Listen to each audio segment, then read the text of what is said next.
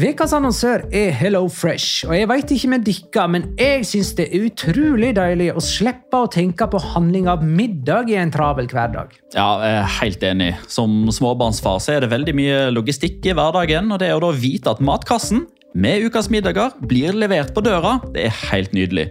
Da slipper du impulskjøp på butikken når blodsukkeret er lavt, og når du kommer hjem, kan du bare ta ut posen med dagens ingredienser fra kjøleskapet og sette i gang matlaginga. Ja, du kan velge mellom 25 ulike retter hver uke.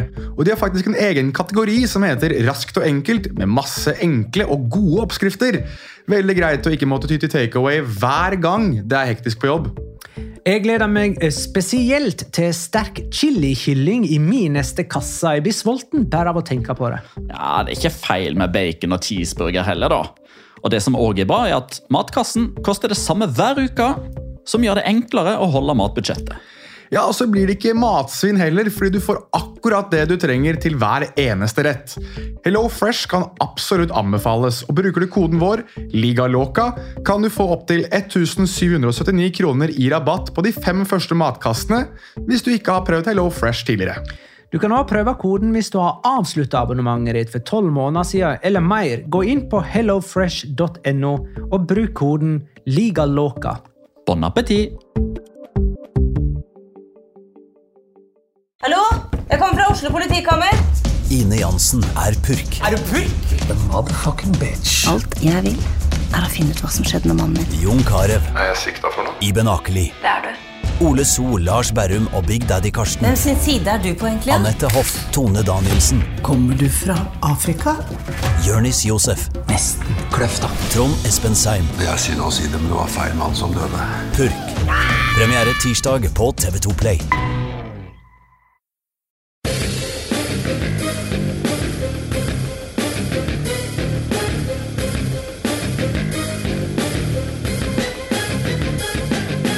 Har du sett?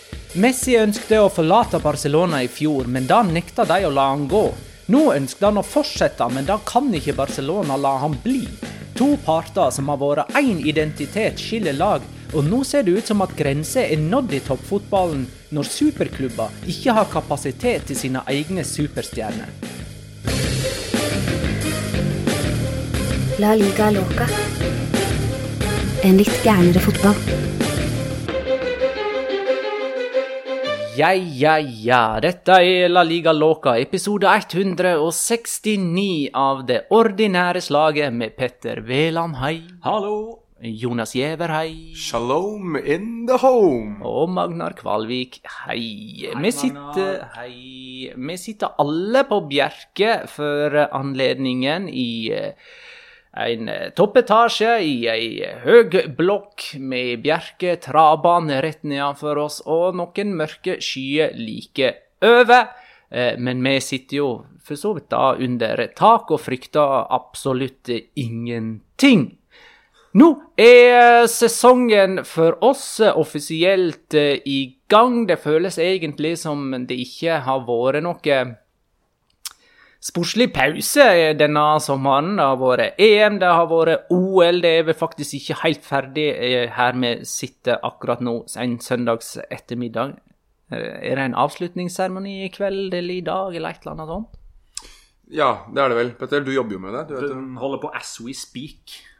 Vi spiller inn mens avslutningsseremonien foregår i eh, Tokyo. Den skal jeg se i opptak seinere i kveld.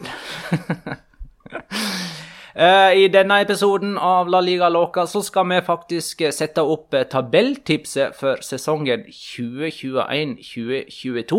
Det går faktisk litt sånn i spinn for meg hva angår årstall, for nå har vi hatt OL 2020 og EM 2020 i sommeren 2021, så jeg har gått Ja.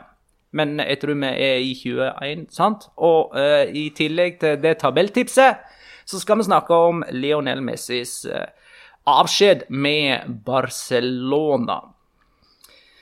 Ha- Har dere også blitt oppringt fra ulike medier om umiddelbare tanker, og husker dere hva dere sa om umiddelbare tanker rundt eh, Messis, Messis eh, avskjed med Barcelona?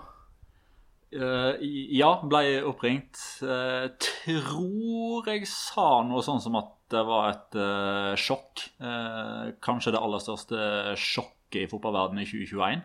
og det tror jeg faktisk jeg står for, selv om det ble sagt i, i kampens hete. Ja, jeg får korrigere deg på det største sjokket, da. for det er nok skjedde den sommeren her med Christian Eriksen. Det tror jeg er det største sjokket sånn egentlig.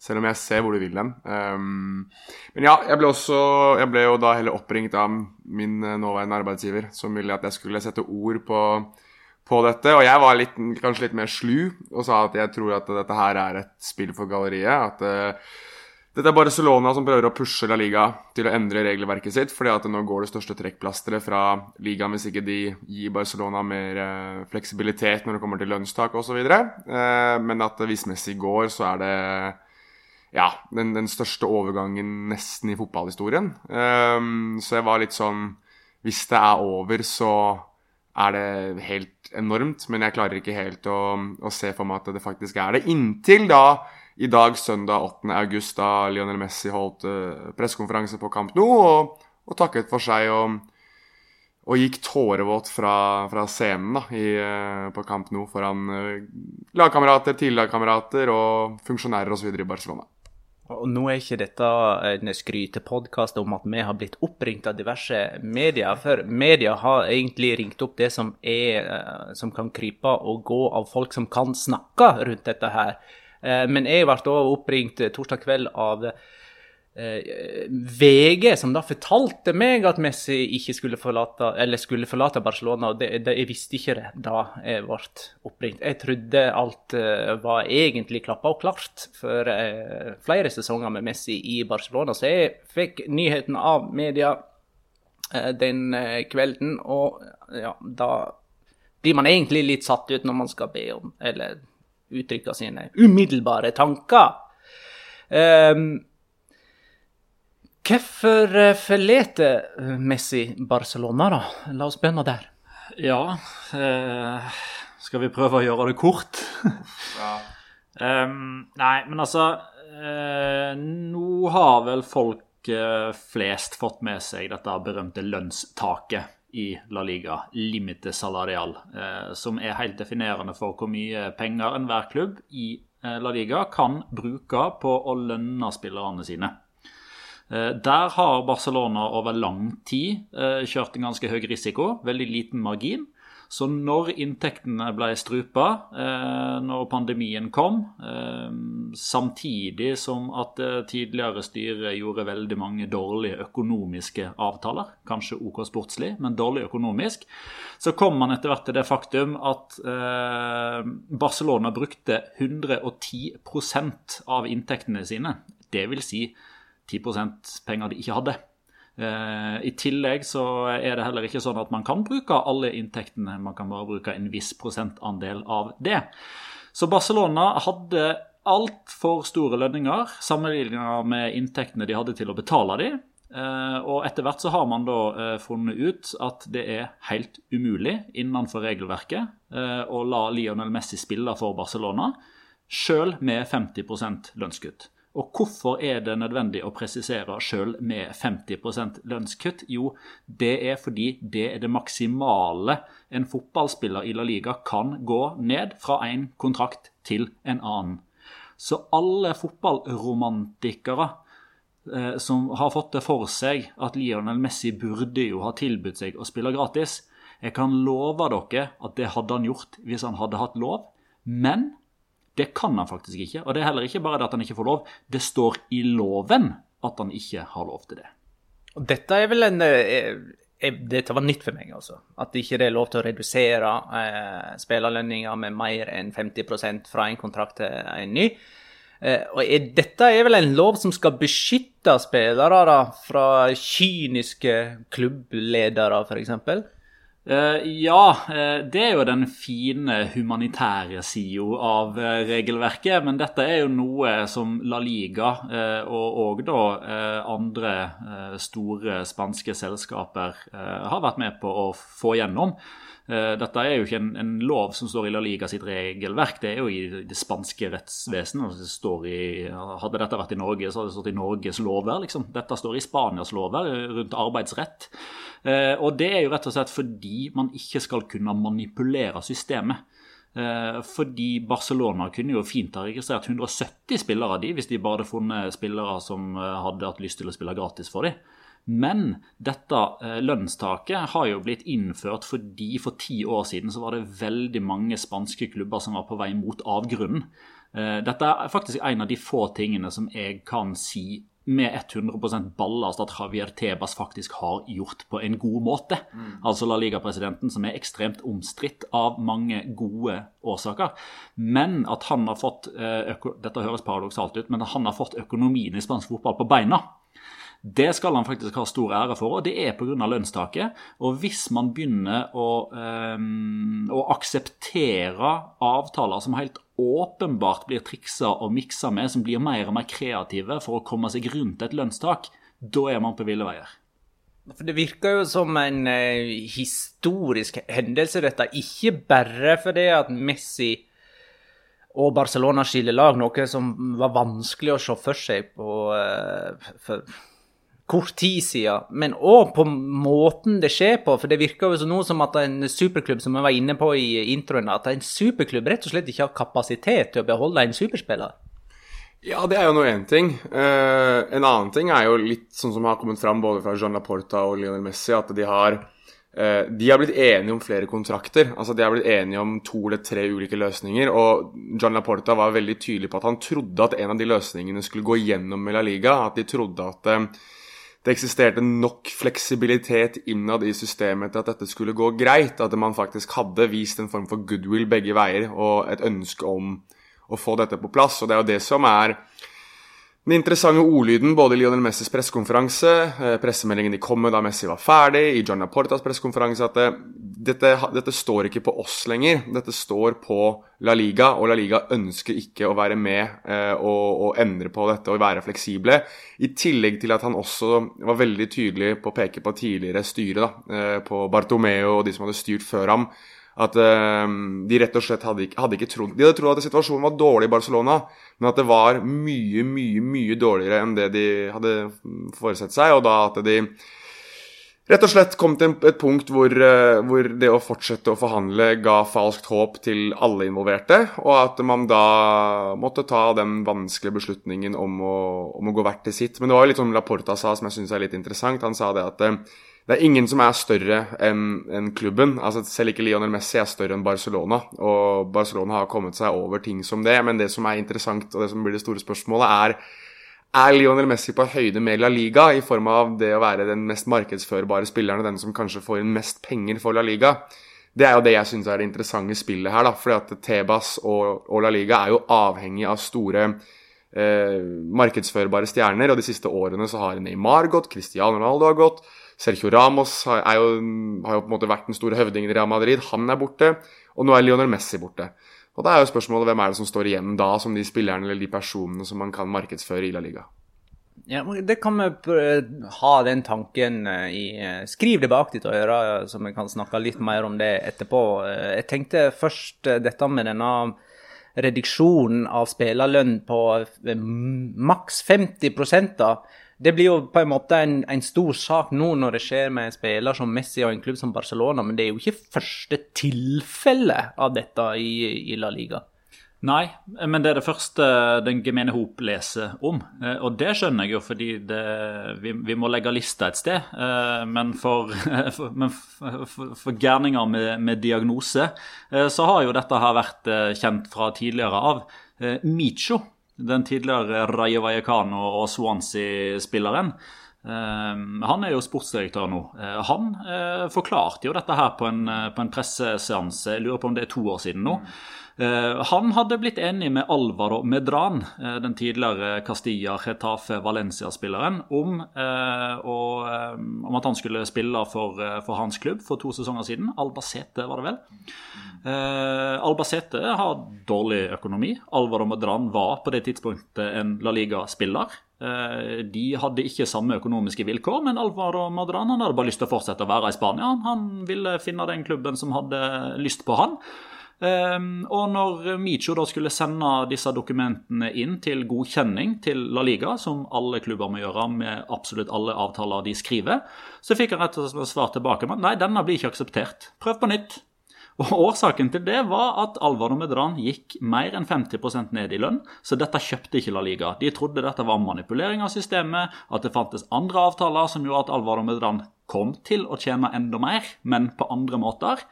Eh, og akkurat det samme skjedde med Isa Cuenca, tidligere lagkamerat, eh, ironisk nok, av nettopp Lionel Messi. Som jo spilte for Barcelona i sin tid, som har hatt ganske mange eh, eksotiske utenlandseventyr i mellomtida. Som ville tilbake til Spania. Han ville spille for Rose, katalaner som han er. Han er fra området der. De hadde òg dårlig økonomi, kunne ikke betale all verdens. Det var helt ok for Isa Cuenca. Trengte ikke så mye, han hadde spart seg opp fine midler. Jeg kan spille for dere for en slikk og ingenting. Kontrakten ble sendt inn, sendt tilbake igjen. Får ikke lov. Dette tror vi er manipulering av systemet. Men når Barcelona har havna i den situasjonen nå at de ikke kan forlenge med eh, Messi, eh, så kunne vel situasjonen vært annerledes om de gjorde noe i fjor? Hva tenker du på om de gjorde noe i fjor? Nei, Da ba han for det første om å forlate Barcelona. Eh, og så tvinga de han til å bli, trua med rettssak og hele greia. Og da var han jo på utgående kontrakt, og så drev man og snakka om fornying av den kontrakten, men det skjedde jo aldri. Eh, hva kunne ha blitt gjort da?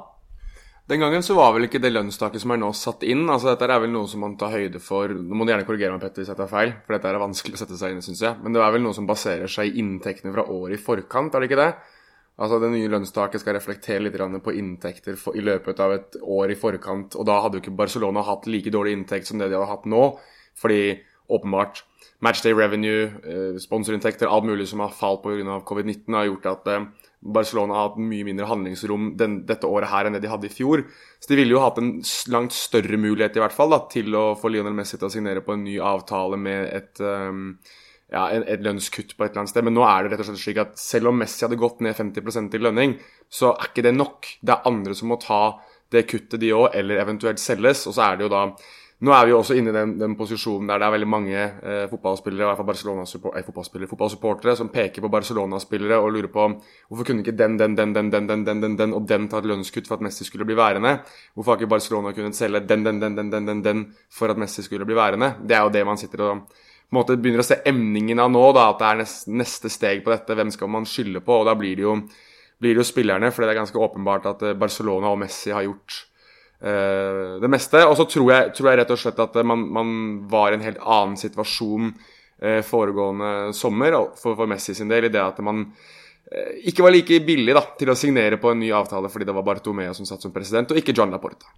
Ja, nei, For meg virker det i alle fall som den langsiktige planleggingen fra forrige styre kommer igjen til uttrykk. Altså den manglende langsiktige planleggingen deres eh, blir enda forsterka av dette.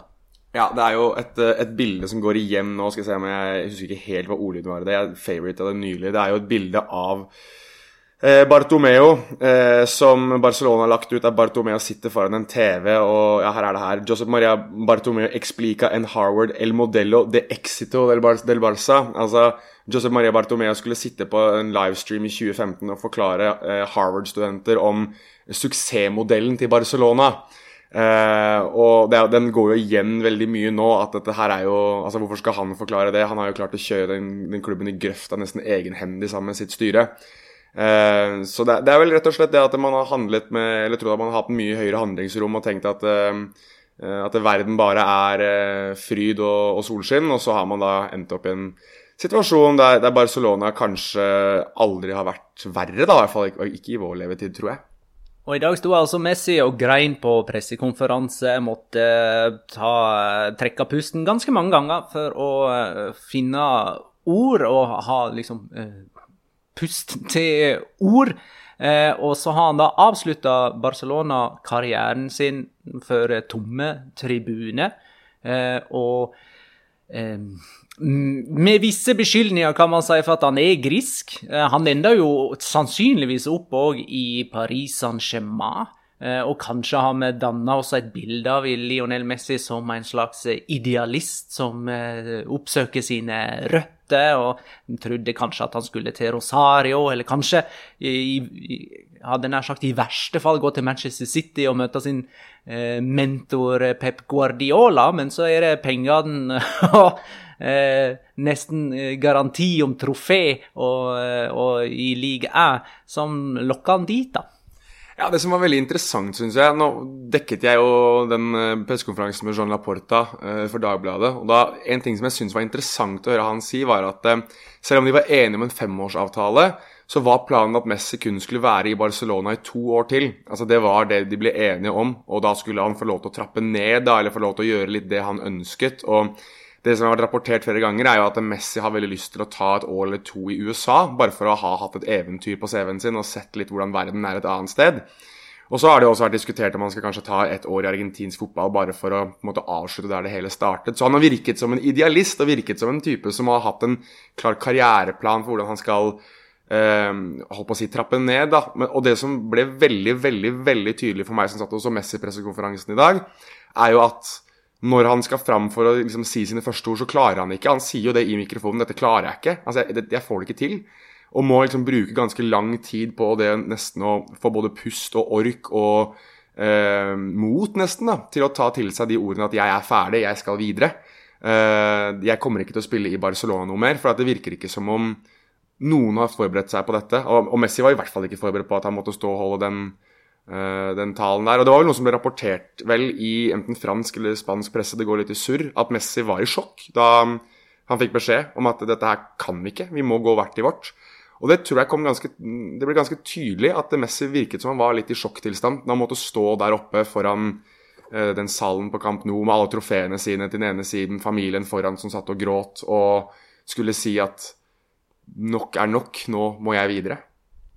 Og hva er igjen av identiteten til Barcelona, nå som de har mista liksom den uh, larger than life-stjerna de sjøl skapte. Uh, Xavi er vekke, Iniesta er vekke. Det som står igjen nå, er spillere de mer eller mindre kjøper, og som mange av dem har kjøpt uforstående uh, for oss som sitter utenfra og, og ser uh, det som foregår. Det virker også som Ilaj Moriba, et annet produkt av Barcelona, ser ut til å forsvinne. Altså, den derre eh, La Masia og større enn eh, en klubb-identiteten får seg noen skudd for baugen denne sommeren.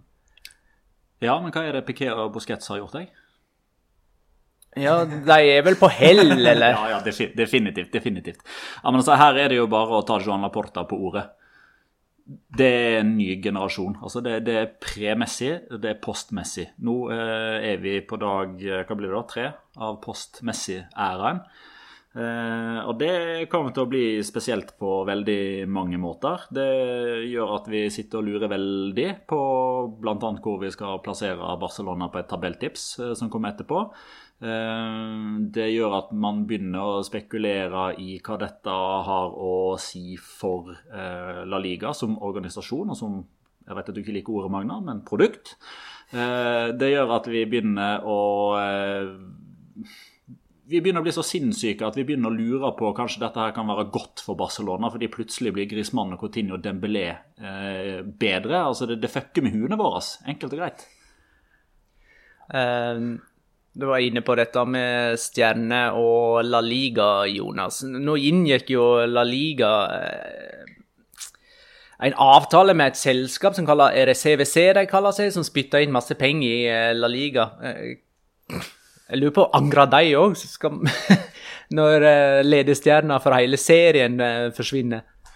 Ja, øh, de må i hvert fall tenke litt at den rettigheten ikke er verdt like mye nå som da de kanskje inngikk den avtalen. Uh, det som er interessant, er jo at den avtalen der ville jo kanskje ha gitt det handlingsrommet Barcelona hadde trengt for å beholde Lionel Messi. Så det er jo kanskje litt sånn at CWC eh, anså det på den måten at alle kommer til å være med, og så blir Messi signert på ny avtale, og så har vi, har vi dette de neste 50 årene, slik eh, den avtalen var skissert. Og det er jo Barcelona og Real Madrid som har vært kanskje fanebærerne for hvorfor denne avtalen ikke burde skje, fordi at de føler at de signerer vekk eh, audiovisuelle, audiovisuelle rettigheter eh, for mange mange år. og De Laporta sa at de kan ikke være med på en sånn avtale, fordi at han, han, han, han kan ikke svare til hva som skjer om 50 år.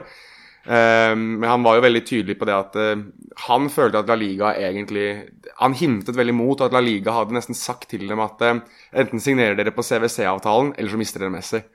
Og da har egentlig Barcelona nesten bare sagt at ja vel, da, da mister vi Messi, da. For vi har ikke samvittighet til å signere på en sånn avtale. Det er den følelsen jeg sitter med, i hvert fall. Jeg husker faktisk ei tid, jeg er jo den eldste av oss, der fotballspillere ikke var eh, en series store attraksjon, men klubber. Altså Real Madrid og Barcelona var store nok attraksjoner for La Liga. Og så kom sånne som Cristiano Ronaldo og Lionel Messi og Neymar osv. Og, og på en måte tok over eh, hva skal man si, nesten markedet. Er det sånn nå at eh, TV 2, som har rettighetene til La Liga i, i, Norge, skal slite med å markedsføre La Liga for at de, de kan ikke si at Messi skal møte Ramos? Eh, nå vet ikke jeg hva deres tanke er om dette, men jeg vil jo, som jeg sa her innledningsvis, og det står jeg på ennå, den rettigheten til La Liga er nok mer verdt med Lionel Messi enn uten Lionel Messi. Eh, når det kommer til Norge, så tenker jeg at det er interesse naturlig nok pga. Martin Ødegaard, men ja, jeg vil jo tro at det er flere som jeg vil jo tro at La Liga har vanskeligheter med å selge seg ut til aktører, ja. For de kan ikke vise til det at det er verdens beste spiller spiller i deres liga lenger. Og kanskje ikke nummer to, og kanskje ikke nummer tre, eller nummer fire eller nummer fem lenger. At det er en åpenbar brist nå mellom eh, det markedet eller det, det, man ønsker å selge seg ut til, og hvor mye man kan få igjen. da. Jeg tror at Lionel Messi ene og alene var en en spiller som du kunne sende, sende, ut og si at han her kan dere få se på TV-skjermene deres eller streame eh, for så og så mye. Nå har du, litt sånn som du var inne på nå, Magnar, nå, det, nå må du si Vil du se Real Madrid og Barcelona og eh, de regjerende seriemesterne Atletico Madrid kontra Vil du se Lionel Messi? Men det skal jo være godt nok. Ja. Eh, så forhå forhåpentligvis da ser man jo tilbake igjen til Magnar sin eh, prime, der eh, lagene faktisk er nok. Ja. Eh, men altså, i og med at du bakte opp TV 2 TV 2 kan jo fortsatt si at de kan Vil du se ja, Lionel Messi? Ja. Fordi de har Champions League. Eh, og hvis du vil se Messi mot Ramos, så ok, nå må du kjøpe liga her, da. Det er jo ingen som har de rettighetene. så... Det er interessant. Det er ingen i Norge som har rettighetene til ligaen, der Lionel Messi mest sannsynlig kommer til å spille, eller Serie A, der Cristiano Ronaldo er. Det er jo ganske interessant. Ja, er ikke det et tegn på at uh, den gode, gamle tiden er tilbake? Ja. Ja, nei. Altså, Copa America ble jo sendt på Twitch i, uh, i Spania uh, sommeren 2021. Kanskje ligger blir seende på Twitch i Norge høsten 2021? Hvem vet? Det er nye markeder som er oppe og går. Ja, det er det. Uh, men ja, nei, jeg syns det er vanskelig å på en måte kartlegge litt uh, hvem som er den neste store Eller hvem som er den store stjerna i La Liga. Så får vi se da om, om, om Real Madrid klarer å dra opp Kylian Mbappé av hatten f.eks. i løpet av de siste ukene av overgangsvinduet. Det virker jo være noe som kan skje. Og da er det jo åpenbart at du markedsfører hele ligaen din rundt han som kommer til å, sammen med Erling Braut Haaland, tror jeg kommer til å være de neste to megastjernene i fotballen. Det er jo det du må selge inn da. Er det flere enn meg som syns det var litt vel sånn begravelsesstemning av eh, denne avskjedspressekonferansen til Lionel Messi? Jeg mener, for det første, han lever i beste velgående. For det andre, karrieren er ikke over. Og for det tredje, han skal spille for en av de største klubbene i hele verden og kommer til å bøtte inn mål i liga.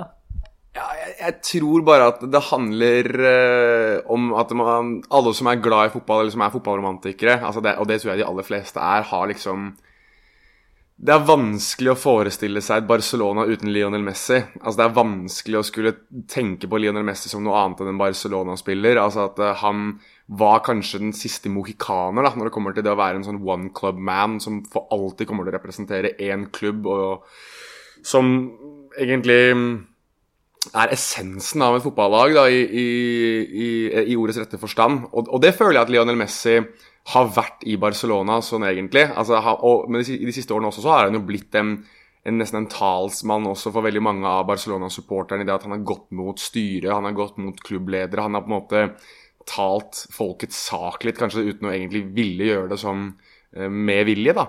Så, så nei, jeg, jeg, tror nok det er litt der eh, skoen trykker. Jeg er litt enig med deg. Det var veldig sånn Men, men jeg la veldig merke til det, Magnar, da, da liksom du, du, så du så det så tydelig på Messi at det, dette her vil han ikke. Altså, det, det, det er åpenbart at det her har noe styrt over Barcelona og over Lionel Messi som gjør at eh, at de ikke kan være sammen lenger. Altså det, er, de, det er ikke det at de, de går hvert til sitt, sånn som han sa. Han var veldig tydelig på det at han sa at ja, i fjor så ville jeg vekk. I fjor så ja, kom ikke til å legge noe mellom. Jeg ba om å dra. Jeg prøvde å dra. Denne gangen så vil jeg ikke dra. Jeg vil bli værende. Vi er blitt enige om at jeg skal bli værende, men vi får ikke lov til å være sammen. Og det er jo det som er der skoen trykker. Hvorfor det var litt begravelsesstemning, tror jeg. Og det som egentlig, for min del i alle fall, oppsummerer hele denne situasjonen her som absurd, er jo at Barcelona vil at Messi skal bli værende. Messi vil bli værende i Barcelona. La Liga vil at Barcelona skal ha Messi. Men det skjer bare ikke. Eh, kan eh, denne situasjon sammenlignes med Ramos og Real Madrid, eller er det en helt annen sak? Det er en helt annen greie. Eh, for Real Madrid har økonomi nok til å la Sergio Ramos fortsette å spille for de. Eh, men der ble, der ble man rett og slett ikke enige om vilkårene. Jeg tror Ramos ville fortsette i Real Madrid. Jeg tror Real Madrid Carl Angelotti gjerne ville hatt Sergio Ramos eh, i, i, troppen. Men der var det rett og slett bare avveining, prioritering, krav opp mot det man føler man kan gi. Eh, kontraktslengde eh, osv. Der ble man rett og slett bare ikke enig, og det ble etter hvert òg en sånn maktkamp, stirrekonkurranse. Eh, kanskje gikk det litt prestisje, men òg der er man tilbake igjen til eh, det faktum at ingen er større enn klubben. Eh, og det er i alle fall det Real Madrid-journalister, eh, som man kan kalle det for, altså disse som skriver for Marca og ASA som snakker på radio som man veit har gode bånd inn i Real Madrid, det er det de har fått beskjed om å si. Ingen er større enn klubben, heller ikke Sergio Ramos. Um, når vi nå nærmer oss et tabelltips, da, uh, så er på en måte inntrykket mitt uh, av uh, spanske klubber denne sommeren her at eh, det de klarer å hente inn av spillere, det er spillere som har gått ut eh, på kontrakt, sånn Alaba f.eks. til Real Madrid, mens de mista spillere som de gjerne skulle hatt, sånn som Messi i Barcelona, Varan i Real Madrid. Er dette betegnende for situasjonen i spansk fotball per nå? Akkurat nå så er det det. Eh, akkurat nå så eh, kan man eh, dra et litt sånn Hvis man liksom prøver å tegne det store bildet, da, så har det jo La Liga med sin storhetsperiode sånn virkelig mellom 2009 og 2018 som sammenfaller med det tidspunktet Messi og Cristiano Ronaldo var der. Og så har det falt litt, men det er fortsatt kjempehøyt eh, nivå, fordi man vinner Europa League, man går et stykke i Champions League, og man er en maktfaktor. Man går til semifinale i EM, man går til finale i OL på landslagsnivå. Så man er der fortsatt helt, helt der oppe. Uh, men uh, om dette er sånn skudd for baugen som gjør at man går liksom, inn i en tørketid i form av trofeer, kan man selvfølgelig ikke utelukke. Men det er liksom, det er ståa den 8. august. Og så er jeg veldig spent på hva som skjer torsdag 12. august. Fordi da blir det jo faktisk bestemt Det har ikke blitt bestemt ennå, men da blir det faktisk bestemt om denne CWC-avtalen blir godkjent eller ikke. For da skal alle La Liga-klubbene stemme for eller mot.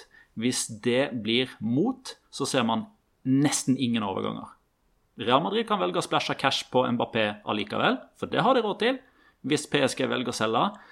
Men ellers, da, da, blir det mer sånn nå må vi kaste folk på dør for å få lov til å registrere nye spillere. Valencia, Real Betis, Levante og tre klubber til, i tillegg til Barcelona, er over lønnstaket. Så de venter bare på at denne CWC-avtalen skal bli trumfa gjennom, sånn at de får x antall millioner euro til å skrive inn sine nye signeringer og eller kjøpe nye spillere. Så hvis eh, La Liga-klubbene, to tredjedeler, klubber gjennom den avtalen, da får man i spansk målestokk en litt sånn middels kjøpefest de siste to ukene. Hvorfor skulle man ikke klubbe gjennom en avtale med CBC? Det må jo i så tilfelle være fordi Barcelona og Real Madrid får med andre småklubber på deres argument med at denne avtalen ser kjempefin ut nå. La Liga pakker den inn i glanspapir, men at det er veldig risk risikabelt å gi fra seg 10 av overskudd fra alle TV-avtaler de neste 50 årene. Akkurat. Er det noe Eh, det føler vi burde si om Lionel eh, Messi og Barcelona før vi går videre til tabelltips. Er det et eller annet eh, åpenbart har oversett i denne diskusjonen? Nei, det tror jeg ikke. Jeg tror nok vi må, vi må nok vurdere om vi ikke skal lage en litt sånn mimreepisode en gang i framtiden, kanskje. Når sjokket har lagt seg litt og han eventuelt har signert for PSG eller hvor enn han går hen. Og da kan det jo være at vi har mye å si, men nå føler jeg at vi har gått gjennom litt eh, de siste ukers eh, Eller de siste uken, nesten, med overskrifter og berg-og-dal-bane i, eh, i, spansk fotball. Jeg har en bitte liten saksopplysning. Vi er jo på Patrion. Det skal vi jo snakke kanskje bitte litt om på, på slutten her. med å faktisk informere folk om at vi er på Patrion. Men da har vi jo en Tire 4, bare sånn at det er avklart. Og den blir stående på 785. OK. Da er det tid for uh, å se mot uh, kommende sesong og uh, sette opp et tabelltips. Vi har for så vidt allerede satt opp det tabelltipset, men nå blir det gjort offisielt. jeg har dog lyst til å plukke opp tråden med det Petter er inne på. Hvordan blir vår sesong, altså La Liga Loca sin sesong 2021-2022? For vi har visst Eh, ambisjoner om mer enn bare podkasting, eh, sånn som jeg har forstått det. Jeg har vært på tre ukers ferie og kommer tilbake fra Vestlandet. Eh, høyt oppe i fjell uten internettdekning, og får vite at eh, vi er både på Patrion og på Twitch. Eh, og da lurer jeg på hva er våre planer? Eh, informer meg. da kan jeg ta Patrion, da. Vi er på Patrion! Uh, dette er jo et velkjent ord i podkastsfæren. Uh, vår side er jo da patrion.com slash la liga. Uh, og der, hvis du ønsker, kan du støtte oss på fire forskjellige nivå. med fire forskjellige nivå på eventuelle frynsegoder som man får. og mer informasjon ligger vel egentlig der. og så har vi åpna en Twitch-kanal. Det har vi. Um, vi prøver jo å hva skal jeg si, rettesette oss hvordan ting utvikler seg i Spania, og prøver å være litt, uh, litt på det med live, vi òg. Og vi har jo prøvd tre ulike livesendinger allerede, med ganske stort hell, syns jeg. Der vi prøver å benytte oss av Twitch som en form for rykkestasjon. Der vi, hvis noe skulle skje i Spania, så prøver vi å, å være litt uh, interaktive med folk der. og og litt reaktive òg. Samtidig så må vi kanskje prøve å, å, ha litt mer samtalebasert der. Der har vi chatterom, der har vi muligheten til å snakke om ting folk lurer på. Um, ja, og det er twitch.tv slash La Liga Loca pod. Der måtte jeg slenge på en pod, for det er en annen som allerede har stjålet La Liga Loca. Så det var litt sånn smågrinete der. Men, litt sånn som på Twitter? Litt sånn som på Twitter, helt riktig. Uh, der er vi og skal prøve å ja, skissere oss opp et kart for hvordan vi benytter oss av det. Vi har jo egentlig bare testet det veldig sånn eh, ja, kort og enkelt, og det har gått veldig veldig bra. Det virker som folk syns det er gøy, så vi håper jo at folk eh, både følger med på Patrion, donerer til den, og, og følger med på, på, Twitch også når vi går, går, live og kommer inn og stiller spørsmål og bidrar. Det har vært eh, fantastisk gøy så langt. og, og noe jeg håper at vi kan benytte oss av eh, i denne sesongen som blir litt annerledes for oss alle sammen. Eh, da kan jeg vel kort oppsummere om at eh, det blir vanlig podkast som er spiller inn hver mandag, og det er helt eh, gratis. Gjerne med annonser der. og så kan du si at det er ekstrainnhold, bonusinnhold på Patrion for de som donerer litt der, og så liveinnhold på Twitch. er det en grei, kort oppsummering? Veldig fin oppsummering. Så en liten cliffhanger. Det kan hende det kommer enda litt mer. Det kan hende det kommer enda litt uh, mer. Jeg som ikke skal jobbe med spansk fotball denne sesongen, ser ut til å få mer uh, arbeid med spansk fotball denne sesongen. Det føles rart. Det er OK, tabelltips. Jeg uh, har bestemt at vi skal begynne nedenfra og opp og gjøre det så lite komplisert som mulig. og når jeg ser på de tre vi har satt nederst, det er Elche, det er Rayo Vallecano og det er Kadis, Så føler jeg temaet er to stykk for en vanskelig andre sesong, og et nyopprykka lag må rykke ned igjen. Petter?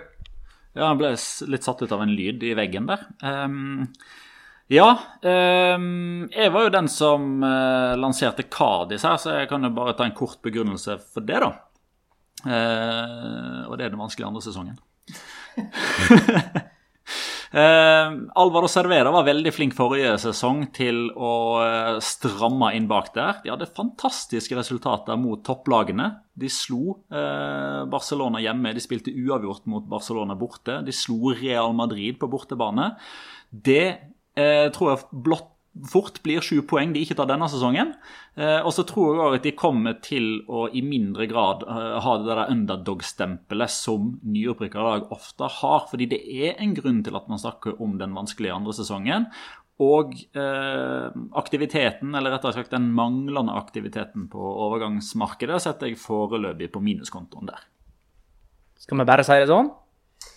Ja, vi kan, eh, vi kan egentlig gjøre det. Kan jeg Eh, bare kjapt si at som, altså, Tradisjonen tro da, så venter vi jo på hva for noen åtte argentinere som kommer inn hos Elche uh, på slutten av vinduet. Men akkurat nå så ser det ikke så lovende ja, jeg skulle til å si det, Petter har en uh, Hver gang vi begynner å snakke om dette, så vetoer Petter det at han gjerne vil gå gjennom dette etter at overgangsvinduet er stengt, og det er helt greit, det, men slik det er, slik det er akkurat nå, så Altså, jeg tenker også at og jeg tror selv uh, Eirik Koren, vår, eh, si, vår uh, Elche-representerende venn, er, enig i at det, all logikk forrige sesong tilsa jo at Elche skulle ha rykket ned.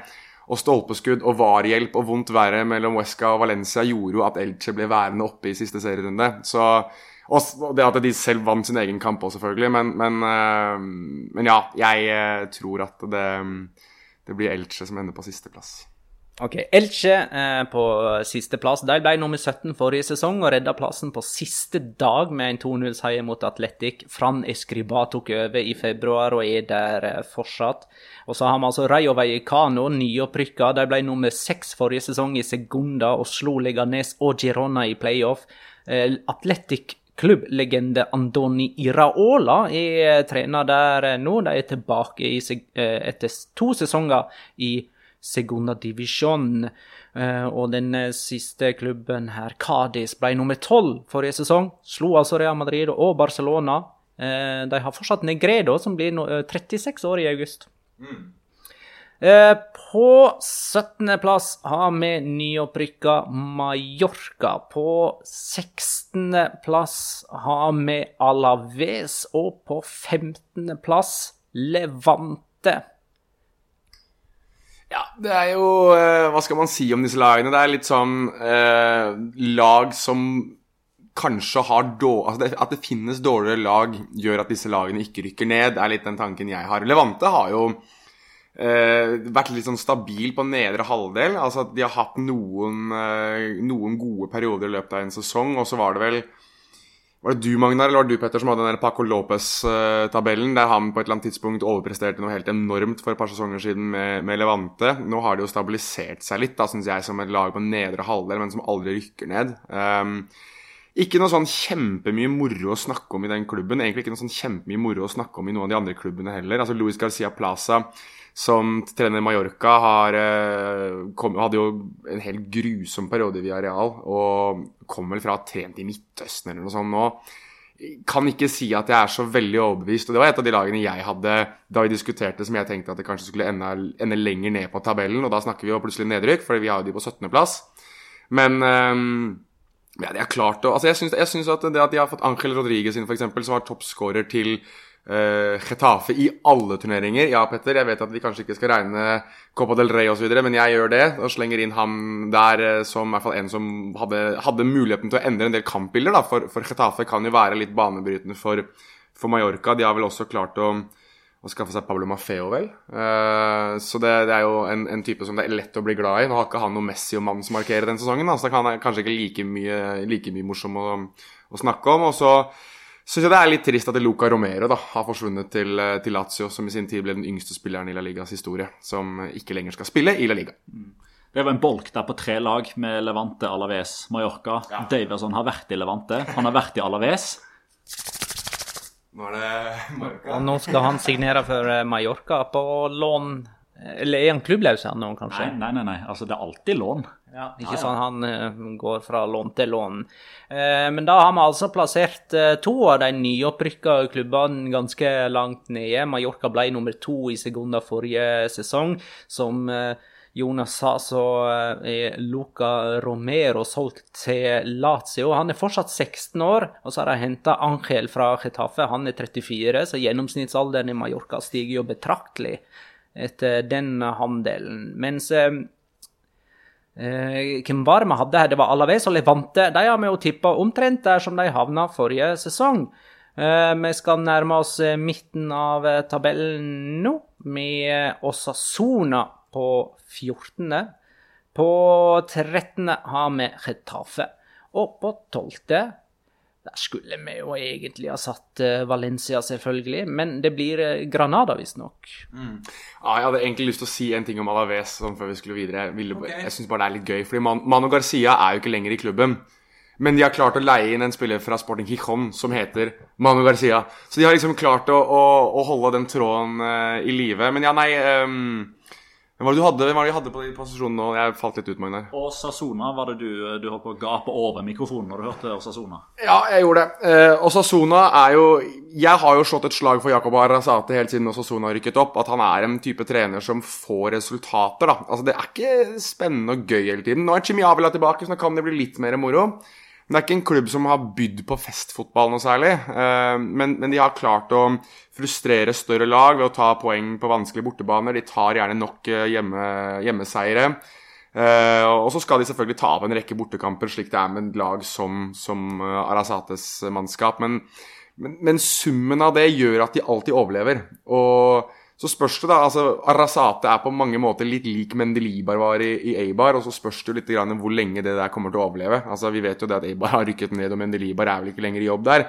Så um, det spørs jo da om, om, Arasate, om Arasate har liksom ett eller to Mendelibar-år igjen før det går ordentlig dårlig. Men uh, i år så er jeg i hvert fall enig om at, uh, om at Osasuna er, er strukturert og gode nok til å i hvert fall bli værende i La Liga en sesong til. Eh, Osasona altså på 14.-plass, mens vi har Getafe på 13. Akkurat den er litt interessant, for Getafe har på en måte vært den sjarmerende, store, stygge ulven eh, de siste sesongene, og hadde en meget svak sesong forrige sesong da, og ble nummer 15. Skåra 28 mål, det var færrest av alle. og Det var en sånn typisk uh, greie med Getafe at det var ikke mål som telte, men antall gule og røde kort. Men uh, så er faktisk Petter litt sånn optimistisk på vegne av Getafe. for det at ja, de skåra lite mål forrige sesong, men nå har de kjøpt, henta Sandro Ramires, så da ordner det seg. Eh, han kan kanskje være en del av løsninga, men det som er greia med Sandro Ramires, er jo at jeg syns han har et stort potensial. Eh, jeg, har sett det i både eh, Altså, han var jo faktisk god i Malaga, eh, og så lyktes han ikke i Everton av mange forskjellige årsaker. Men når han har vært tilbake inn i Spania etter det, i Real Sociedad og, og Huesca jeg føler han har en sånn tilstedeværelse på banen, et sånn ønske om å være god, at de fortsatt gir han noen prosent sjanse til å være en god fotballspiller. Og nå blir han gjenforent med den eneste fotballtreneren i verden som faktisk har klart å få han til å være god over en hel sesong. For Michel trente Sandro Ramires i Malaga i 2016-2017, kan det være det? Men ikke bare pga. Sandro, det er òg José Juan Macias, som du synes er utrolig spennende. Meksikanske angriperen. Jota Jota, som han kalles. Ja, ikke sant? Eh, Carlos Aligna viste seg fram. Vi vet hva han eh, kan være kapabel til. Han er jo en av de som ble ofra i Barcelona for å få på plass Depay og Aguero og, og kanskje Messi. Og så har jeg hei, heller ikke gitt helt opp Vitolo, eh, som for en klubb som Retafe er en fantastisk signering. Leieavtale, riktignok, hvis han kommer opp på noe av det han viste i Sevilla. Eh, Det er altså Mitchell som tar over etter Bordalas i eh, Getafe. Eh, Der har Getafe mista en profil på trenerbenken, og da vi i La Liga Loca starta med denne podkasten høsten 2017, så var et tilbakevendende spørsmål har Mitchell fått sparken enda? Da var han vel Malaga-trener. Og det spørsmålet føler jeg kommer til å komme tilbake òg nå denne høsten. Et av suksesskriteriene for Getafe, vi har tippa på 13.-plass, det er at han får sparken sånn cirka halvveis, og så får de en boost som løfter dem opp fra 19. til 13.-plass ved sesongslutt. Eh, jeg har ikke lyst til å hoppe helt bukk over Granada, som eh, vi har tippa på 12.-plass. De har enda på øvre halvdel to sesonger på rad. De spilte Europaliga forrige sesong. Eh, og så har de nå mista deres unge, lovende trener Diego Martinez. Og så har de henta en annen kan vi kalle det en ung, lovende trener i Robert Moreno, som er 43. Han er bare tre år eldre, og faktisk eh, ganske ny i trenerkarrieren, men likevel med mye å vise til. Ja, altså, man blir jo ikke spansk landslagssjef eh, by chance. Eh, selvfølgelig var det litt by chance eh, da Luis Henrique Ja. måtte Jo, jo, men allikevel. Ja, okay. det, det hadde, altså, hvis Robert Moreno hadde vært helt eh, verdiløs, så hadde det spanske fotballforbundet henta noen andre. Ja, men ok. Sorry at jeg avbryter, men la oss nå være ærlige. Han ble ansatt som spansk landslagssjef fordi han var assistenten til Luis Henrique fordi Luis Henrique skulle ta en pause. Planen var at Luis Henrique på sikt skulle komme tilbake igjen, og at Robert Moreno skulle holde plassen varm. Problemet var jo at Robert Moreno gjorde det så bra at han ble så maktsjuk at han ville ha den jobben sjøl. Og da Luis Henrique sa at nå vil jeg tilbake, så sa eh, Robert Moreno Nei. Og så, og så sa Luis Henrique eh, Altså, kan ikke du bare ta deg i ræva? Basically eh, nesten ordrett. Og så ble det da snakk om at det var mytteri og krangling og pressekonferanser hit dit og i alle mulige retninger. Og så har Robert Moreno hatt en periode i Monaco som var egentlig ganske ræva. Og nå skal han prøve å, å si, gjenerobre eh, folks tillit da, i, eh, i Granada. Så jo, faktisk. Hvis, du, hvis det er noen som noen gang har blitt spansk landslagstrener by chance, så er det to ting, eller to ganger det har skjedd. Det er Fernando Hierro, som måtte ta over på kvelden da Jun Lopetegi fikk sparken. Da var det bare 'Hvem har lyst til å ta jobben?' Ja, Fernando Hierro, er ikke du tilgjengelig? Så var det han som ledet dem i, i, eh, i VM, og så var det ja, Luis Henrique må gå. Robert Moreno kan jo bare ta det i de månedene han er borte. Ok, greit. Og så jo, det by chance er eh, egentlig det mest riktige, Petter. Jo, men han var jo i det systemet fordi han hadde ei stødig hånd med U21-landslaget til Spania. Var ikke, var ikke det han som leda dem? Nei, det var Albert Celades eh, som gikk den veien, og Lopetegi for så vidt. Eh, Men Robert Moreno hadde jo, altså han har jo opparbeida seg enorm kompetanse ved å være assistenttreneren til Luis Henrique i Roma, Celta Vigo og Barcelona. Så det Mitt poeng med at han ikke fikk det by chance, selv om han jo fikk det by chance, for du argumenterer veldig godt, Jonas, det er jo det at eh, han er jo en flink fotballtrener. Eh, det er det jeg skal tilbake til, men jeg vet ikke hvor jeg har han som Granada-trener. Fordi det gikk veldig bra med Spania, og så gikk det veldig dårlig med Monaco. Eh, ja. Ok, så har Granada kjøpt, eller henta Carlos Bacca, som tar over for Roberto Soldado, som har reist til Levante. Så de erstatter altså en ung trener med en ung trener, og en gammel spiss med en gammel spiss. Men det, det blir en sånn eh, føljetong, håper jeg. Altså Oldboys-gutta.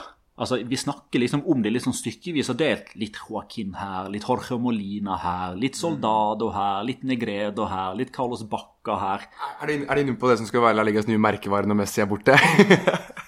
Helt riktig. Verdens beste Oldboys-liga. På ellevte plass har vi Español, som da tydeligvis blir den store positive overraskelsen fra Segunda. Eh, nå er jo Español eh, en gammel La Liga-traver. De vant Segunda forrige sesong. Og har vel vært nede bare jeg tre-fire ganger har de vært nede gjennom La Liga-historien, og hver gang så har de bare trengt én sekund av sesong på å komme opp igjen. Forrige sesong var første La Liga-sesong uten Español siden 93-94. Og de har Raúl de Tomàs, som skåra 23 mål i sekunder forrige sesong. Sist han var oppe i La Liga, da spilte han i alle fall sist han var oppe i en full La Liga-sesong. Da spilte han for Rayo Vallecano og skåra 14. Eh, Jeg tror han vil at du skal bruke merkevarenavnet hans. Ja, men det får du meg knapt til å gjøre. Har du lyst til å gjøre det sjøl? R.D.T. Ja. Eh, Det syns jeg virker veldig tungvint. Det er en tungvint måte å si initialer på. Det blir mer enn eh, full, det fulle navnet. OK. Vouley er der fortsatt.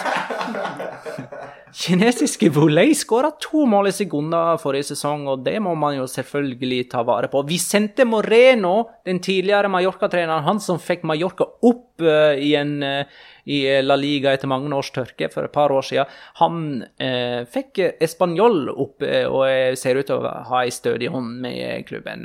Jonas? Ja, jeg ville, jeg ville egentlig nevne angående dette med Voley, hvilken, hvilken klubb og hvilket lag osv. Hvem er det som blir den største merkevaren? Voley har jo fått en hel, en hel nasjon eh, bestående av over en milliard mennesker til å se på La Liga, så kanskje det er Voley som kommer til å bli den nye store merkevaren. Men ja, vi sendte Moreno, du, du nevnte ham. Ser jo ut som en sånn der 80-tallskunstner som ikke helt får det til å stemme og bor på en sånn studioleilighet og har et sånn lite kvarter, et galleri et eller annet sted i Brooklyn. Han, eh, han er jo en, eh, en interessant herremann i det at han eh, Veldig sånn frittalende og tydelig i hvordan han ønsker ting, hvis jeg husker han riktig fra, fra Mallorca. At han er en som ikke legger så veldig mye mellom, og det er jo alltid gøy, da. Eh, litt sånn krisemaksimerende innimellom òg, som også jeg kan abonnere på. Men, eh, men de spilte god fotball, Mallorca. De sjokkerte jo Real Madrid blant annet den sesongen og, og, og ga jo muligheter til veldig mange unge spillere, og jeg synes Altså, Det, det spanjollaget her de rykket ned som et ganske godt La Liga-lag. Altså, De hentet jo spillere eh, som var langt over den hylla de kanskje burde hentet på da de lå på nedrykksplass. Eh, rykket ned med det laget, beholdt mesteparten av det laget. eh, og har rykket opp igjen nå og, og har egentlig bare sett bedre og bedre og bedre ut. Um, Raúl de Tomàs, jeg, jeg sier navnet hans istedenfor RD dot og så bla, bla, bla. bla, bla. Eh, han synes jeg er eh, en ekstremt undervurdert spiss, egentlig. Han har vært det i ganske lang tid. Han går, går inn i den der Mariano Diaz-kategorien for meg, som jeg syns egentlig får veldig underbetalt for det å være ganske, ganske god. Eh, nå er han på et nivå som passer han eh, mye, mye bedre. Han var god i Rayo, han var ikke god i Benfica, og er veldig god i Español. Um, og det tror jeg man kommer til å få se denne sesongen. Jeg tror han kommer til å være noe av grunnen, om ikke hovedgrunnen, til hvorfor eh, Spanjol kommer til å gjøre det så godt som de gjør det. Eh, Da er vi på øvre halvdel. Vi hadde altså Spanjol på 11.-plass. På 10.-plass har vi Atletic eh, klubb. Der skjer det aldri noe eh, nytt. eh, Og dermed så kan vi jo bare påminne om at Atletic har en Basker-policy. De ble nummer ti forrige sesong og blir det igjen. De var jo tapende finalist eh, i Copa del Rey både for 2020 og 2021 forrige sesong, men de vant eh, supercupen. Marcelino eh, får jo nå ansvaret for klubben fra start av etter å ha tatt over halvveis eh, forrige sesong. Eh, Niendeplass, der har vi en eh, stor overraskelse i vårt tabelltips, nemlig Valencia, som ble nummer 13 forrige sesong. Én plass dårligere enn forventa. Og uh, stjernesigneringen deres, det er tidligere Getafe-trener José Bordalas. Ja, og jeg må jeg vel være så ærlig å si at det, det er jeg som har pusha for Valencia litt høyere på tabellen. Det er det.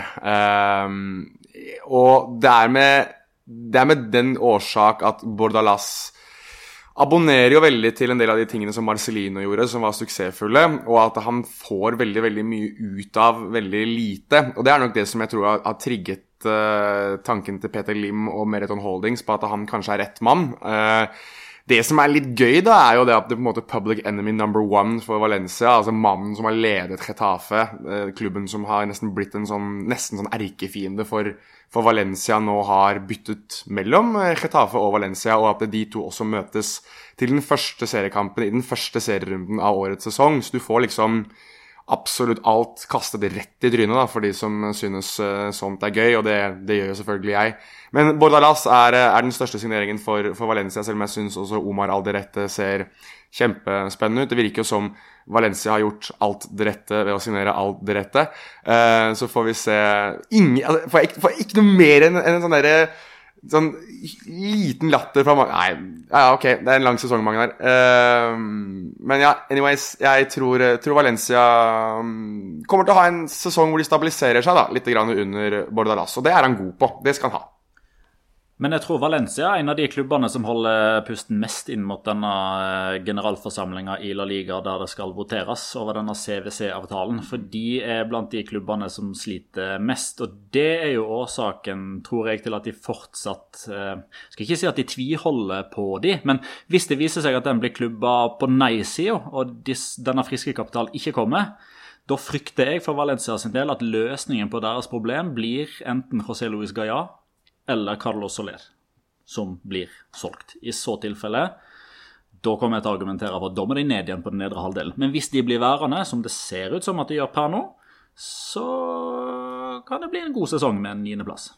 Ja, nei, Jeg sier meg ikke uenig i det, men jeg tror um, nei, av, det, av det jeg har sett av Valencia eneste sesongoppkjøring, og det betyr jo null niks og nada, men de har sett ut som et lag igjen, da. Og det, det gjør det veldig spennende. Da har de jo spilt uten Carlos Soler, blant annet, som har vært med å spille et OL. Eh, på niendeplass der, altså, Valencia. På åttendeplass har vi Celta Vigo. Eh, Petter pusher alltid de opp på øvre halvdel med sine tabelltips. Celta Vigo sparka jo alltid trenere i november, og i november i fjor var det Eduardo Codet som tok over. Hvorfor får ikke han sparken i november i år? det er ingen regel uten unntak, vet du. Uh, altså, Jeg tror jo at han ikke får sparken altså fordi hans uh, ønskemåte å spille fotball på passer spillerstallen veldig bra. Uh, de gikk litt opp og ned tidvis forrige sesong. Det skal i hermetegn sjøl jeg hermetegn slutt uh, innrømme. Men totalt sett så gikk det jo veldig bra. Celta Vigo under Eduardo Cordet var bra. De spilte god fotball, og det er nøyaktig de samme spillerne som er der, pluss Franco Servi, pluss eh, Javi Galan. Så dette her er da det som forrige sesong vel var Spanias åttende beste lag, som er enda litt bedre nå på papiret. Og så har vi tippa dem på åttende igjen. Eh, Celta Vigo for meg så har det blitt kjennetegna av å ha en langt mer spennende offensiv enn det antall skåringer tilsier. Denis Suárez, Iago Aspas, Breis Mendes, Nolito, Santimina Og så skårer de alltid få mål likevel. Men kanskje mer enn nå, da. Uh, OK. Uh, kjapt ord, Jonas. Ja, jeg, Egentlig så vil jeg eh, Jeg vil at Petter heller skal fortelle, for han har vært så veldig positiv til, til Celta Vigo på bakgrunn av, av, kun én signering. Så jeg vil Petter, at du nå skal gi oss um, 20 sekunder på hvorfor Havi Galan skal plutselig gjøre det laget her så mye bedre. Skal ikke gjøre de så mye bedre. De ble nummer åtte, vi tipper de på åttendeplass. Men det svake, de det, det svake, punktet forrige sesong var Aron Martin, David Junka og Lucas Olasa på venstrebekken. Jeg mener Javier Galan er bedre enn alle de, basert på det han viste for Uesca forrige sesong. Et Uesca-lag som rykka ned på tross av, ikke til tross Nei, vent litt. Til tross for, ikke på grunn av Javier Galan. Ja, anyways. Jeg vil bare ha loggført Bare ha loggført at Petter var inne på tanken med å ha Viareal under Celta Vigo. Jeg bare ville ha det loggført. Vi bare hadde loggført, det er det eneste. På sjuendeplass har vi Real Betis. Ett hakk ned fra det som ble deres reelle plassering forrige sesong. Dette blir andre sesong for eh, Manuel Pellegrini. Er det noe å merke seg ut og inn eh, på Betis-fronten? Ja, de har fått seg keeper. Det er jo en kjempepositiv. Jeg har endelig fått Rui Silva inn, som jeg syns var veldig undervurdert i, i, Granada. Han kommer jo gratis, av alle ting. Uh, til, uh, men nå har de ganske mange keepere òg, da. Altså, eller du kan jo argumentere for at tre, hvor mange de er, ikke fungerer. Og dessverre så er Claudio Bravo rett og slett bare skada hele tiden. Men, uh, men Rui Silva inn på keeperplass, det er en, en seriøs oppgradering, syns jeg. Nå, nå, så jeg også at det var Eh, general de Pie, eh, vår gode general som vet alt mulig om, eh, om, Valencia på Twitter, var inne nå og rapporterte at eh, Valencia og Betis hadde vært inne på en byttehandel der Kangin Lee går til Betis og Loren Moron går til Valencia, men at den har falt sammen pga. FFP og, um, og litt det at eh, Betis rett og slett ikke har plass til å ha inn en spiller til i den posisjonen. Så det virker som begge disse lagene er på, ser etter mulige løsninger for å hente inn spillere i diverse posisjoner. Så for å liksom støtte litt opp under den uh, tanken Petter hadde med at vi må gå gjennom dette en gang til når vinduet er stengt, så ser man at det i hvert fall er lag som kan gjøre ganske store overganger. da. Det gjelder jo i aller høyeste grad for Real Betis, fordi Rui Silva, som er en klar forsterkning, kan per nå ikke spille første serierunde, for han er ikke registrert fordi Betis er over lønnstaket. På sjetteplass har vi Real Sociedad. Det òg blir én plass ned fra deres reelle posisjon forrige sesong. De ble altså nummer fem, endte 15 poeng bak eh, Sevilla, som var nummer fire og tok Champions League-plassen. Real Sociedad vant jo den utsatte Copa del Rey-finalen for 2020, og kunne jo eh, triumfere som Copa del Rey-vinner i to uker. Eh, Jarzabal Sabal trenger en ferie nå etter både EM og OL. Deres beste spiller, spør du meg. Um, og så har jeg jo Alexander Isak, som skåra 17 mål i La Liga forrige sesong, i tillegg til å ha et veldig sterkt uh, EM. Og så registrerer jeg interesse der for Kubo. Og dette ville vel ha vært en typisk klubb for en spiller som han. Ja, definitivt. Og jeg tror at den største Hvis jeg kan være litt sånn eh, klisjéfylt Den største signeringen til eh, Real Sociedad er jo det at de ikke har mistet eh, Oyarzabal eller Alexander Isak. Det har vært ryktet rundt dem så lenge nå.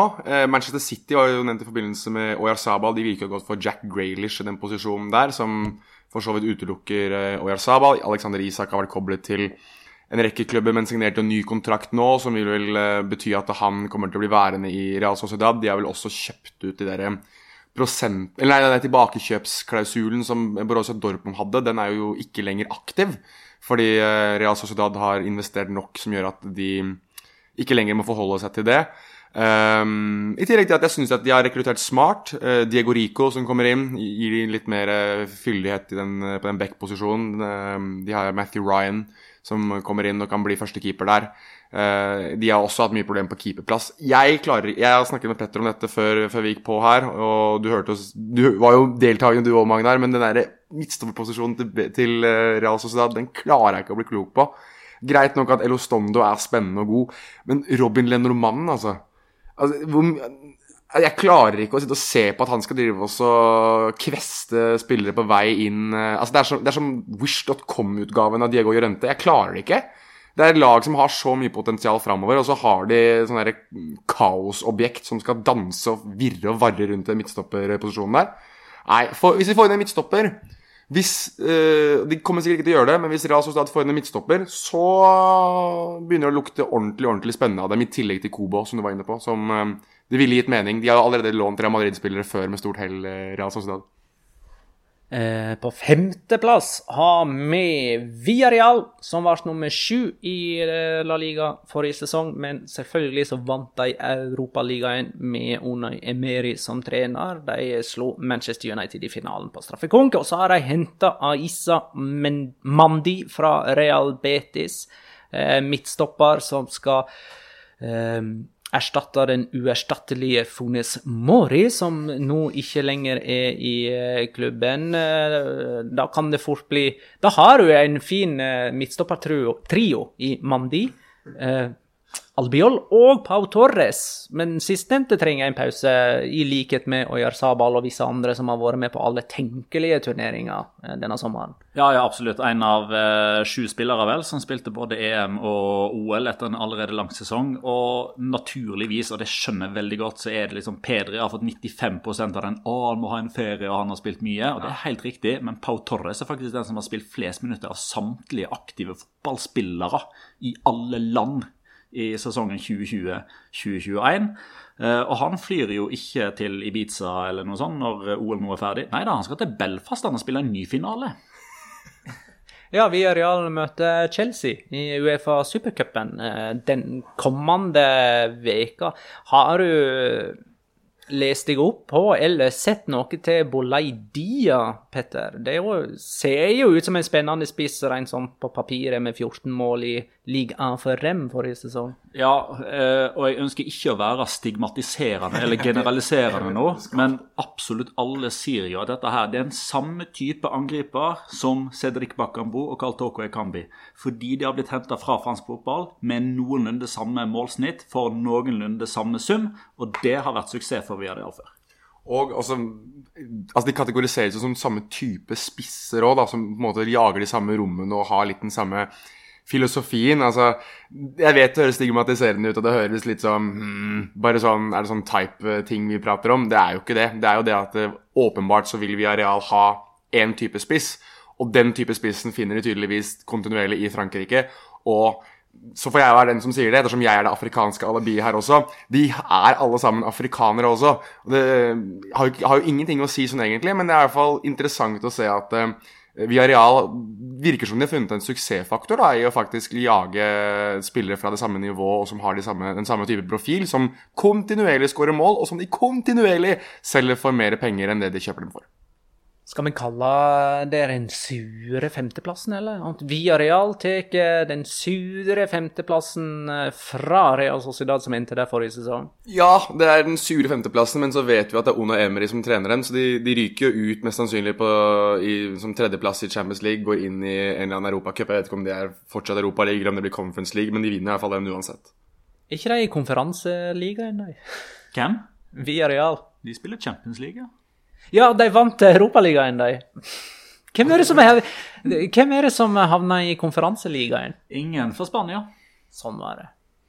Ja, nei, Man kan altså både si at de ble nummer sju, og at de vant Europaligaen, og samtidig glemme at de kvalifiserer dem for Champions League-spill. Sånn går det av og til. Fjerdeplass!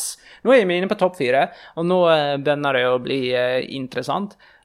For der har ja, jeg sier det nesten allerede. Men Jonas har trumfa gjennom at Barcelona ikke blir noe bedre enn nummer fire.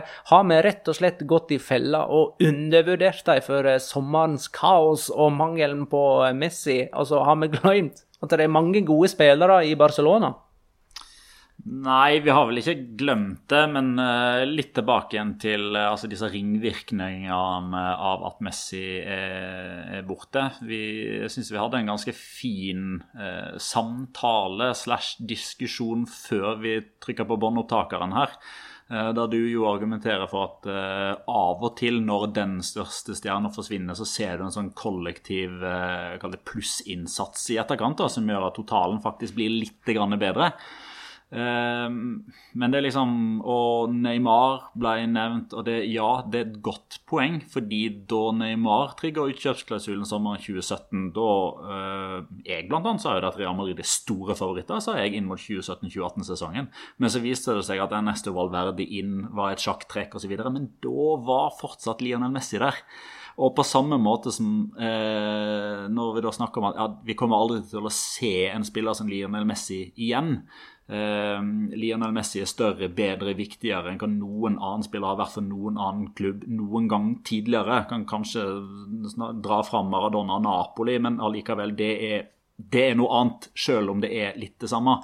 Uh, så jeg tror liksom den, den enorme vekta som blir lagt på de resterende spillerne når de skal fylle tomrommet etter Messi, det er så vanvittig stort at de må heve nivået hver og en for seg og kollektivt så mye. Og jeg tror ikke de har det i seg til at de kan gjøre det bedre enn forrige sesong. da. Det er ikke nødvendigvis sånn at eh, nå kommer Barcelona til å være på nedre halvdel, og nå kommer ikke de til å være under titler for det de neste årene. og sånn. Altså, Overhodet ikke. Men eh, jeg må jo bare stå for det jeg har sagt i andre medier nå de siste dagene. Jeg tror Barcelona kan ha godt av Eh, om enn bare for å forsøke å senke forventningene, eh, i den grad de ikke har blitt senka av alle andre foreløpig. Men se dere heller over skuldra og bare pass på at den Champions League-plassen ikke ryker. La, la, det liksom være pri én, og så får man liksom se hvor bra det kan bli. Eh, Barcelona ble nummer tre forrige sesong. Uh, sju poeng bak seriemester Atletico, og bare to poeng framfor Sevilla, som ble nummer fire. Så hvis Barcelona da skal være hakket dårligere denne sesongen, uh, så er det vel ikke helt uh, utenkelig da, at de havner litt bak Sevilla denne sesongen her.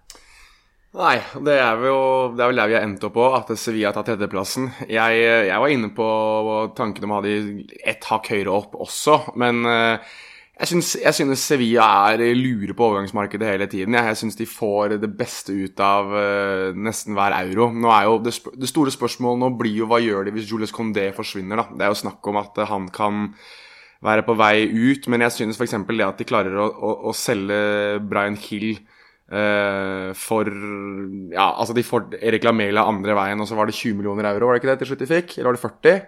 For For Brian Hill. Uh, 25, og så er det add-ons. Men det vet man jo ikke hva blir til slutt, da. Pluss Erik Lamela. Ja. Ja. Så da sitter du igjen med en ganske god deal der, da, i tillegg til at de også eh, De er jo de som har endt opp med å signere eh, Marko Dimitrovic til slutt på, på free transfer. Altså, jeg syns det jeg syns det, syns det, ser så sterkt ut ja, da, av, eh, av det Sevilla-laget. Jeg syns at de gjør så mye riktig på overgangsvinduet, og at de klarer å bygge videre under Julen Lopetegi. Vi snakket jo i fjor om at de potensielt sett kunne være med å kjempe om ligatittelen, og så falt de mot slutten, som gjorde at de Blant annet den kampen mot Real Madrid, da, som, som kunne kanskje ha vært grunnlaget alene for at de, de kunne vært med å kjempe om, uh, om et seriegull. Jeg syns, syns, også det er bra fordi at de har klart å beholde for Josef Nesiri. Jeg tror det var veldig mange som tenkte at han kunne forsvinne ut uh, på bakgrunn av den sesongen han har hatt, og det kan han fremdeles gjøre. Men det virker, det virker ikke sånn, og, og da har du muligheten til å bygge veldig mye under eh, Altså bygge opp under en veldig, veldig god sesong. Um, men igjen, jeg, understreker dette at jeg tror hvis Kondé forsvinner, så må de ha en plan B ganske kvikt. Og der Kjenner vi Monchi rett, så har de mest sannsynlig både plan, plan B, plan C og plan D.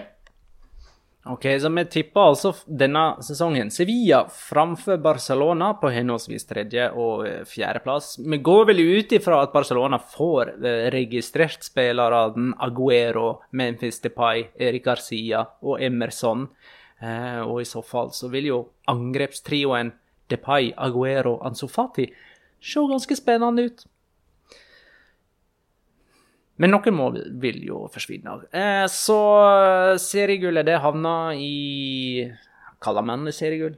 Ligatrofeet, som heller kaller det. Eh, det havna i Madrid, enten Atletico eller eh, Real Madrid. Skal vi bare slippe katta ut av sekken og si Real Madrid blir nummer to, og at Atletico de forsvarer tittelen. Så hvorfor blir Real Madrid nummer to, Petter? Hvordan jeg kan forsvare at Real Madrid blir nummer to? Nei, Hvorfor blir Real Madrid nummer to? Eh, nei, Det er jo fordi Atletico Madrid ser litt bedre ut eh, og har et enda mer eh, satt system. De var noen poeng bedre forrige sesong og har forsterka med Rodrigo de Paul. Eh, som gjør at jeg tror at eh, noe av det Atletico Madrid sleit med da de eh, avga poeng forrige sesong, ganske mye av det er nettopp det Rodrigo de Paul tilbyr. Altså det der bindeleddet på midtbanen mellom det offensive og det defensive. Det å løpe sånn som Saul Niges gjorde for to-tre sesonger siden, i tillegg til å ha teknikk og ikke minst en pasningsfot. Uh, I tillegg så Det kan godt hende at det blir uh, offisielt uh, innen dette treffer øregangen til lytterne våre, men Rafamir, altså mer Diego Simeonsk spiss enn Rafa Mir, Eh, som jeg òg tenker er en veldig fin eh, Altså Han passer godt sammen med Luis Suárez. Hvorfor sitter du sånn, Jonas? For Jeg blir så glad hver gang jeg hører noen nevne Rafa Mir. Jeg blir, jeg blir jeg sittende jeg sitter og smiler og blir så glad. Det er derfor jeg gjør det. Ja. Så de som lurer på hvordan jeg sitter, jeg sitter med hendene på kinnene og smiler litt, litt sånn lurt fordi det er så deilig å høre at noen endelig ser det jeg har sett i Rafa Mir, i hvert fall en, en sesong, at han er å, han er så god! Han er så god! Jeg blir så glad over at han er så god. Og så håper jeg at den overgangen til Atletico Madrid eller til en annen klubb i La Liga formaliserer seg. For vi må, vi må ha Rafa Mir i La Liga.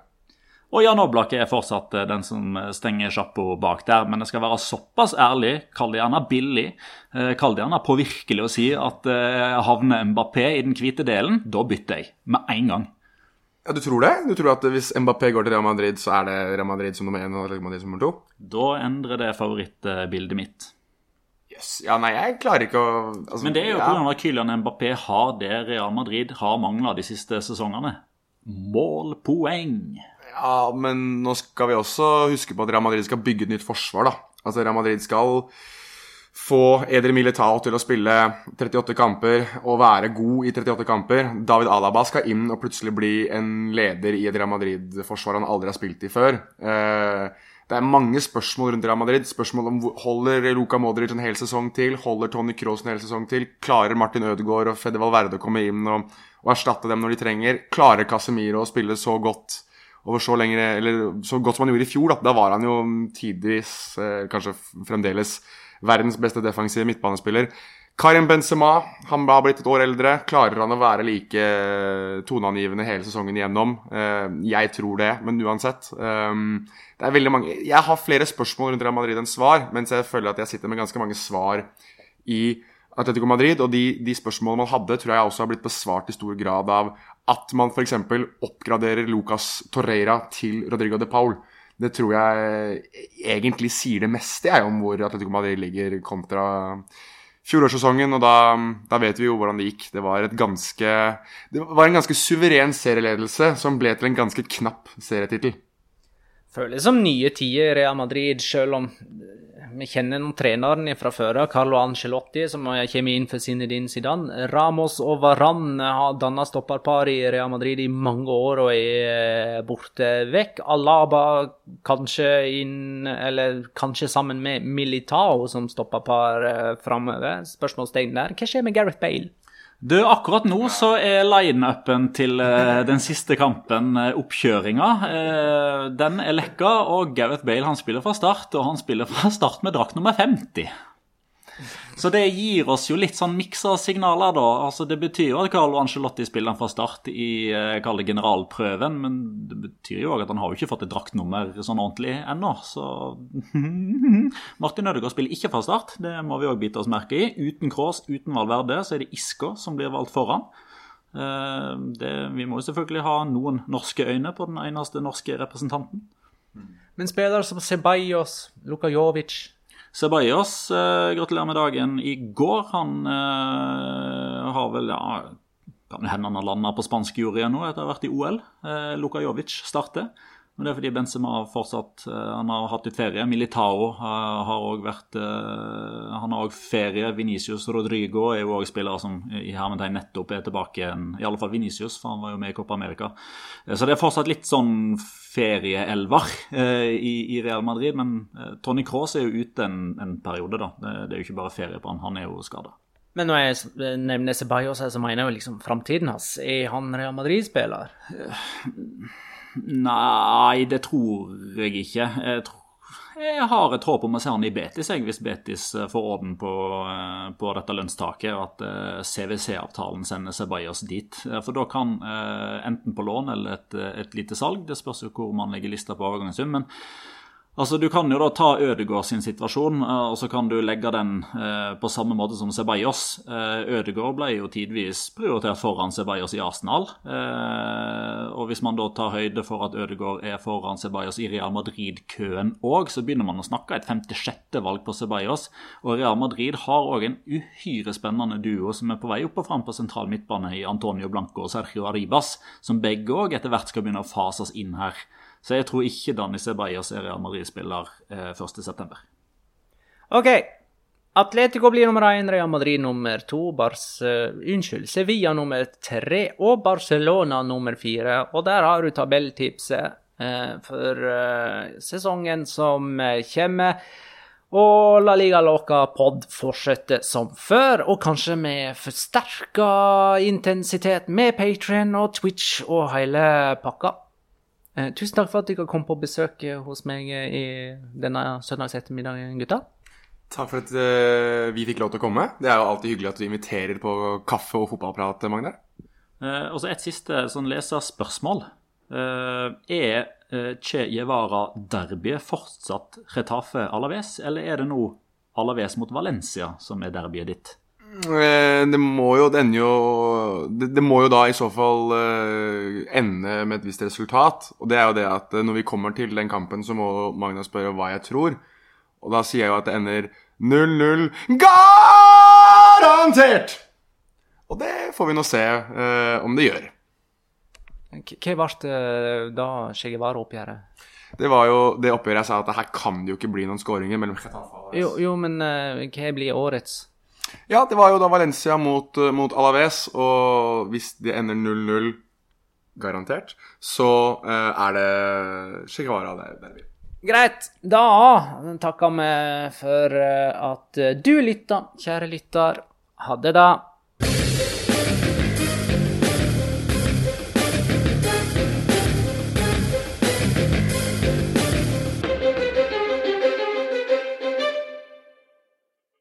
Har du et enkeltpersonforetak eller en liten bedrift? Da er du sikkert lei av å høre meg snakke om hvor enkelt det er med kvitteringer og bilag i fiken, så vi gir oss her, vi. Fordi vi liker enkelt. Fiken superenkelt regnskap.